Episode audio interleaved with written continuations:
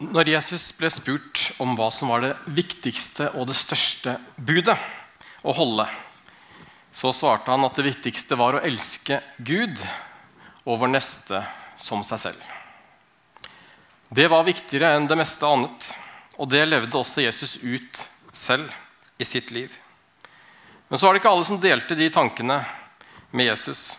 Og flere reagerte på noe av det Jesus levde ut på den tida han gikk rundt her på jorden. Vi skal se på noen sånne reaksjoner sammen til å begynne med i dag. Vi skal begynne med et eksempel som står i Markus 2, fra vers 23 og utover i Markus 2, hvor det står En gang Jesus gikk gjennom en kornåker på sabbaten, begynte disiplene å plukke aks der de gikk. Da sa fariseerne til ham, Se der, hvorfor gjør de det som ikke er tillatt på sabbaten? Han svarte, 'Har dere aldri lest hva David gjorde da han var i nød, og både han og mennene hans sultet?' Han gikk inn i Guds hus den gang Abiatar var øverste prest, og spiste skuebrødene som bare prestene hadde lov til å spise. Han ga også til dem som fulgte ham. Og Jesus sa til dem, 'Sabbaten ble til for menneskets skyld, ikke mennesket for sabbatens skyld.' Derfor er menneskesønnen herre også over sabbaten, sa Jesus. Fariseerne og de skriftlærde står det mye om i eh, Det nye testamentet. De ble ofte beskrevet som mennesker som hadde troen i hodet, og kanskje ikke alltid i hjertet. For dem var det viktigste at folk levde rett ifølge loven. Derfor så reagerte de når disiplene til Jesus begynte å plukke aks på sabbaten. For sabbaten det var nemlig hviledagen.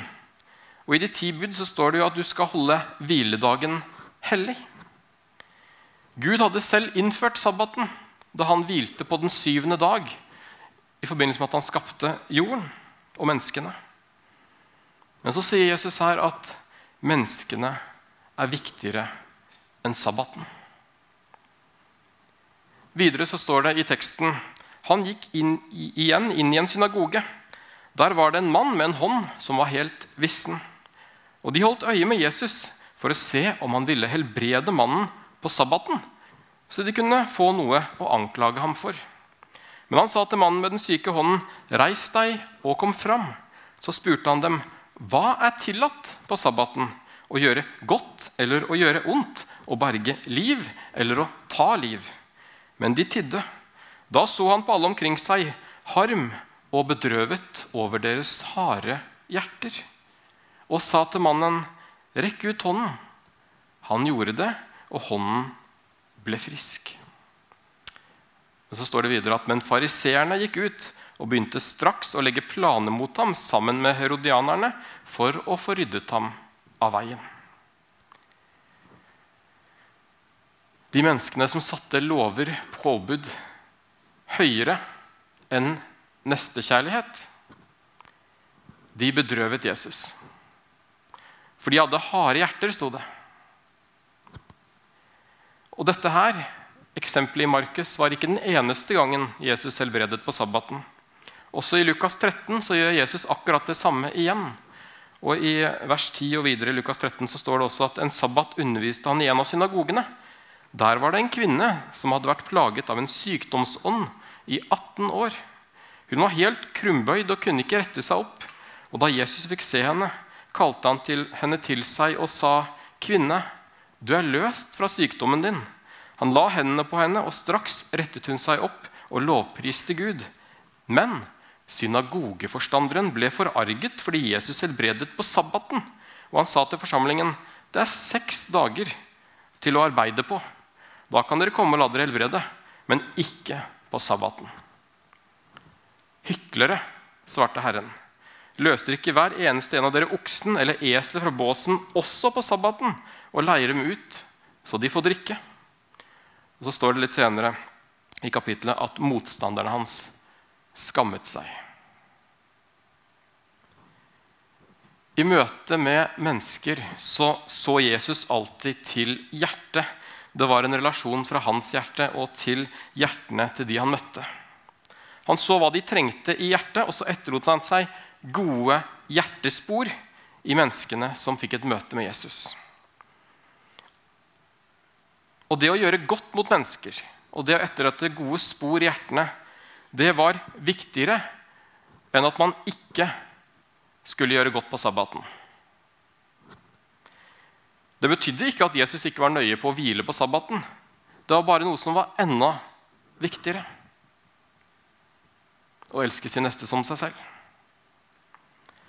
Og det jeg hadde lyst til å spørre dere om i dag, det er har vi grepet det samme som Jesus understreket her flere ganger? Eller har vi noen ganger litt for mye av fariseerne i oss at vi er mer opptatt av hva mennesker gjør, enn hvem de er, og hva vi kan gjøre for dem? Er vi for opptatt av at mennesker skal leve rett? Og ser vi ned på de som ikke får det til? Selv om vi innerst inne vet at vi ikke alltid får det til, vi heller. Ser vi flisen i andres øyne, men ikke bjelken i vårt eget. Og Noen ganger kan vi kanskje bare fristet eh, til å tenke som fariseerne at bare vi lever rett og bare vi følger budene, så er alt greit mellom Gud og meg. Men så er faktum det at vi kan leve så rett vi bare vil. Hvis troen bare blir værende her oppe og aldri beveger seg helt ned hit, til hjertet, så betyr troen ingenting. Det var ikke det fariseerne trodde på, som Jesus hadde et problem med. De kjente Skriftene godt, derfor ble de jo kalt for de skriftlærde. Og alt det var greit. Og Vi kan også kjenne Skriftene, vi kan kjenne Bibelen. Vi kan gi tiende, vi kan gå på gudstjenester. Og vi kan tenke at vi har alt på stell. Og Det er fort gjort, og det er fort gjort at det også blir en felle man kan gå i. For Fariseerne var nemlig bedre på akkurat de tingene der enn de fleste andre. Problemet var bare at det var ikke bare det Jesus ville ha. Og Derfor tok han stadig et oppgjør med dem. Og Han sa til dem bl.a. i Matteus 23, vers 23.: eh, Ved dere, skriftlærde og farisere, dere hyklere, dere gir tiende av mynte og anis og karve, men bryr dere ikke om det som veier mer i loven, rettferdighet, barmhjertighet og troskap. Dette skulle gjøres, og det andre ikke forsømmes. Blinde veiledere som avsiler myggen og sluker kamelen. Uttrykket 'å sluke kameler' kommer jo for øvrig herfra. Eh, dette skriftstedet. Men å avsile myggen og sluke kamelen det betyr å være overdrevent nøye på de små og kanskje ikke så viktige tingene. Men kanskje heller også misse det store bildet eller ta lett på det som er det viktigste, det som veier mer. For kamelen veier mye mer enn myggen. Og rettferdighet, barmhjertighet og troskap veier mye mer enn lover og regler og påbud, som kanskje ikke var så viktige når alt kom til alt. Det Jesus ønsket fra de skriftlærde og fra fariseerne, var også at han ville ha hjertene deres, ikke bare kunnskapen i hodet. Selv om de priste Gud med leppene, så var hjertene deres et annet sted. Og I Jesaja 29, 13 så står det Herren sa til folket Herren sa, 'Dette folket kommer nær meg med munnen' 'og ærer meg med leppene', men hjertet er langt borte fra meg.' Og den frykt de har for meg, er et tillært menneskebud. Det går fint an å si til Gud 'Jeg elsker deg' med leppene. Og samtidig er det ikke sikkert at hjertet er med. Akkurat som man kan si 'jeg elsker deg' til sin ektefelle med leppene, mens hjertet kanskje er et helt annet sted. Fariseerne hadde kunnskapen om tro, men de levde ikke alltid ut troen. Hvis vi bare blir opptatt av hva Bibelen sier, og er opptatt av om folk følger den,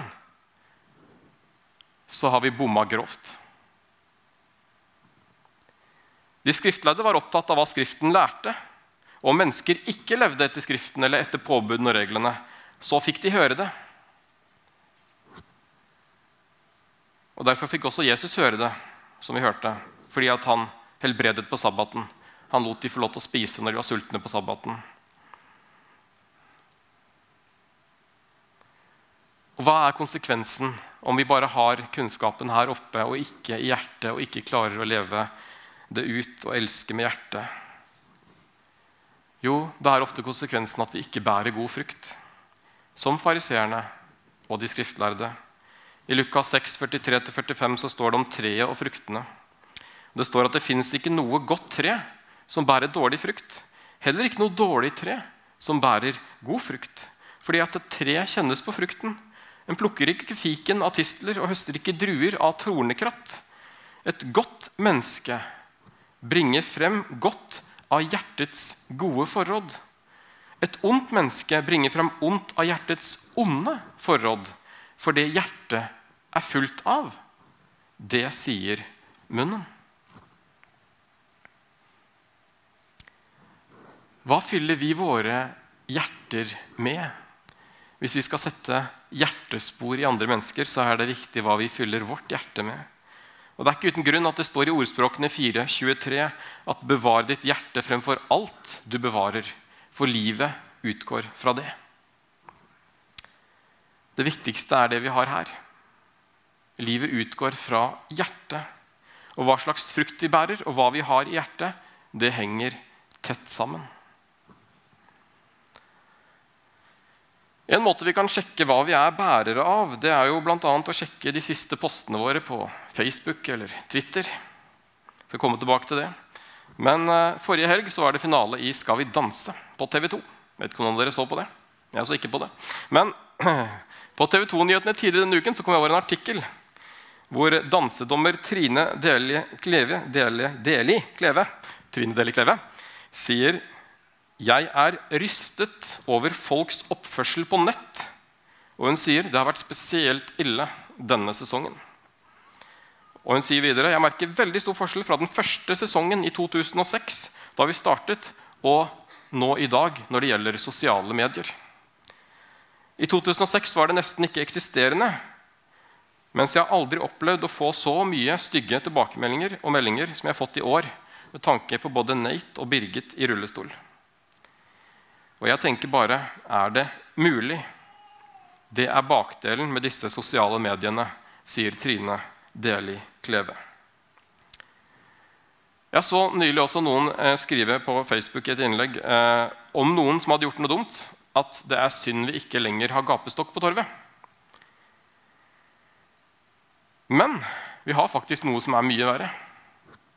Vi har eh, nemlig en gapestokk som heter sosiale medier. Og den henger ut langt flere mennesker enn det en gammel, god gammeldags gapestokk på torvet ville ha gjort. Man henger nemlig folk ut foran hele landet når man poster i sosiale medier. Eller verden, for den saks skyld.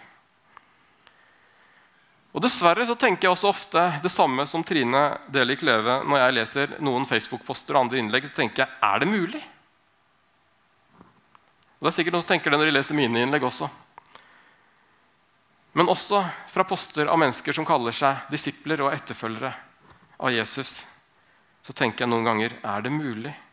Jesus som sa til oss i Matteus 5.: Elsk deres fiender. Gjør godt mot dem som hater dere. Velsign dem som forbanner dere, og be for de som mishandler dere. Slår noen deg på det ene kinnet, så by fram det andre også. Om noen tar fra deg kappen, så nekt ham heller ikke skjorten. Gi til hver den som ber deg. Om noen tar fra deg det som er ditt, så krev det ikke tilbake. Som dere vil at andre skal gjøre mot dere, slik skal dere gjøre mot dem, sa Jesus i Matteus 5. Han utfordret oss til å velsigne fiendene våre, ikke å henge dem ut. Han sa også det dere vil at andre skal gjøre mot dere, skal dere gjøre mot dem. Og Det står om Jesus i apostelgjerningene 10, vers 38, at Jesus fra Nasaret ble salvet av Gud med hellig ånd og kraft, og han gikk omkring overalt og gjorde godt. Han gjorde godt. Måten vi behandler mennesker rundt oss på, det er det som setter spor i menneskers hjerter. Og Vi kan sette gode hjertespor, eller vi kan sette dårlige hjertespor. Hva slags spor ønsker du å sette i menneskers hjerter? Den tiden vi har her på jorden, den er begrenset. Og Vi kan velge å fylle den tiden med det vi stort sett ønsker selv. Vi kan eh, nyte livet, vi kan bygge oss opp rikdom. Vi kan gjøre ja, det vi vil så lenge vi er her. Men en dag så vil vi dø. Det gjelder oss alle sammen. Og Det aller meste vi da etterlater oss, vil ha liten betydning for andre. Men vi kan velge å bruke livet på å sette spor, hjertespor, i menneskers hjerter som kan ha evig betydning. Og Den siste bibelteksten vi skal se sammen på i dag, den finner vi i Johannes 8, vers 1-10, med overskriften 'Kvinnen som ble grepet i ekteskapsbrudd', heter den historien. Og det står Og Jesus gikk ut til Oljeberget. Tidlig neste morgen kom han til tempelet igjen. Hele folkemengden samlet seg om ham. Han satte seg og begynte å undervise dem. Da kom de skriftlærde fariseerne. De kom stadig vekk. De kom med en kvinne som var grepet i ekteskapsbrudd. De førte henne frem og sa, 'Mester, denne kvinnen er grepet på fersk gjerning i ekteskapsbrudd.' I loven har Moses påbudt oss å steine slike kvinner. Men hva sier du? Dette sa de for å sette ham på prøve, så de kunne få noe å anklage ham for. Jesus bøyde seg ned og skrev på jorden med fingeren. Men da de fortsatte å spørre, så rettet han seg opp og sa:" Den av dere som er uten synd, kan kaste den første steinen på henne. Så bøyde han seg ned igjen og skrev på jorden. Da de hørte dette, gikk de bort, én etter én, de eldste først. Til slutt var Jesus alene igjen, og kvinnen sto foran ham. Da rettet han seg opp og spurte, 'Kvinne, hvor er De? Har ingen fordømt deg?' Hun svarte, 'Nei, Herre.' Ingen. Da sa Jesus, 'Heller ikke jeg fordømmer deg. Gå bort og synd ikke mer fra nå av.' Det var en kvinne her som hadde gjort noe som hun ikke skulle. Hvorfor hun hadde gjort det, det vet vi ikke. Men alle visste hva hun hadde gjort, og hun benektet ikke selv heller. Og Folkemengden de var klare til å straffe henne, og de hadde steinene klare til å kaste. Men så sa Jesus at den av dere som er uten synd, kan kaste den første steinen. Ingen kastet. Fordi det var ingen av de som var perfekte. Det var ingen av de som var helt uten synd. Og det er ingen av oss som klarer det heller.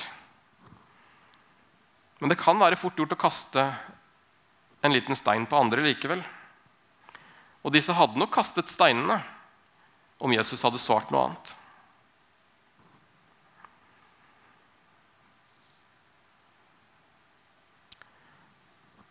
Og i dag, i 2020, så kaster vi fortsatt steiner på hverandre når vi ikke alltid klarer å leve opp til idealet. Synlige steiner, usynlige steiner, verbale steiner. Og Det er lett noen ganger å kaste steiner på andre fordi det tar bort fokuset fra oss selv.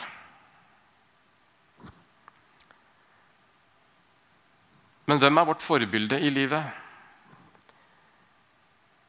Jesus, som sa 'heller ikke jeg fordømmer deg', eller andre. Og Så vil noen påpeke og si at ja, men Jesus ba henne også om ikke å synde mer. Og det er helt riktig. Men han sa det til henne etter at han hadde redda livet hennes. Først hjalp han henne. Og siden han gjorde det først, så tror jeg også at hun lyttet til ham. Fordi han først rørte ved hjertet hennes.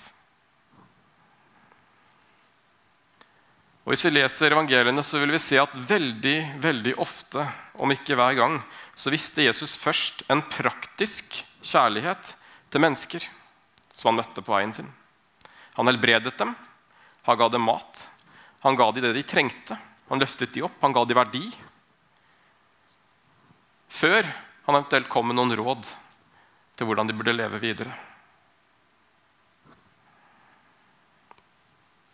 Og jeg tror at de lyttet på en helt annen måte da, når de fikk oppleve Jesus kjærlighet fra hjerte til hjerte, enn hvis han heller hadde begynt i andre enden og sagt at eh, ja, fiks først livet ditt og kom tilbake, så skal jeg gi deg det du trenger. Hvordan vi sier ting på, det er så viktig. I høst har det vært eh, presidentvalg i USA. og hvem som vant, og politikken og sånn, det skal jeg ikke mene så veldig mye om her og nå. Men jeg tillater meg likevel å undre over hva det gjør med oss at en president og en presidentkandidat henger hverandre ut og mobber hverandre, både i sosiale medier og på TV. Hva gjør det med barna våre at mange voksne slenger seg med og gjør akkurat det samme? Hvor lett er det ikke å slenge med leppa når noen slenger med leppa først? Og inntoget av sosiale medier, som tar så mye av folks hverdag i dag, de har også gjort det så mye lettere å mobbe. Fordi, som en forsker sier, når du mobber på nett, så ser du ikke den andres reaksjon. Du ser ikke om den begynner å gråte. Du ser ikke om vedkommende blir lei seg. Du slipper å forholde deg til akkurat det. Og Derfor er det så mye lettere å si ting på nett som man ikke ville sagt ansikt til ansikt.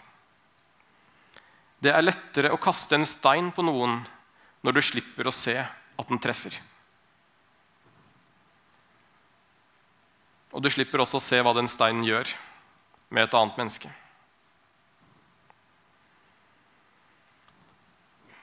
Når vi kaster steiner så setter vi spor i hjertene til andre mennesker, og det er ikke gode spor. Jeg vil utfordre deg i dag, denne første søndagen i advent, til å tenke litt gjennom hva slags spor du setter i møte med mennesker rundt deg. Og hvilke spor dine Facebook-venner ser at du setter med dine innlegg og dine poster. Jeg har lyst til å utfordre deg til å være med og sette gode spor. Det går også an å rose oppmuntre og heie på hverandre i sosiale medier også. Andre måter å sette gode spor på i hverdagen det kan være å oppmuntre noen, hjelpe noen, besøke noen, ta noen med ut på en kaffe. Gjøre noe uventet som ingen forventer. Gi bort noe eller velsigne noen. Jeg håper at du har lyst til å bruke din adventstid nå. Og enda lenger enn det også, men begynne nå i adventstida til nettopp det. Bevar ditt hjerte fremfor alt du bevarer, for livet går ut fra det.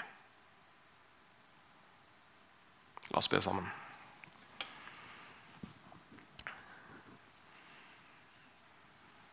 Kjære far, jeg takker deg for at vi kan eh, legge den tida som ligger foran nå, i dine hender for. Takk for det forbildet du var, med måten du møtte mennesker på, Jesus. Takk at du så hjertene, takk at du møtte dem der de var i livet, Jesus, og, og elsket hver enkelt. Hjelp oss til å ta etter deg, far, til å elske de menneskene vi møter, til å sette gode hjertespor, far. Hjelp oss til å møte mennesker på en måte slik som du møtte dem på, og løfte dem opp, Jesus. At mennesker føler seg sett og elsket og ikke fordømt, far. Takk at du velsigner hver enkelt som er her nå, hver enkelt som ser på på stream, far. Gi oss frimodighet og kraft til å være et vitne for deg og en disippel av deg i hverdagen. Det ber vi om i Jesu navn. Amen.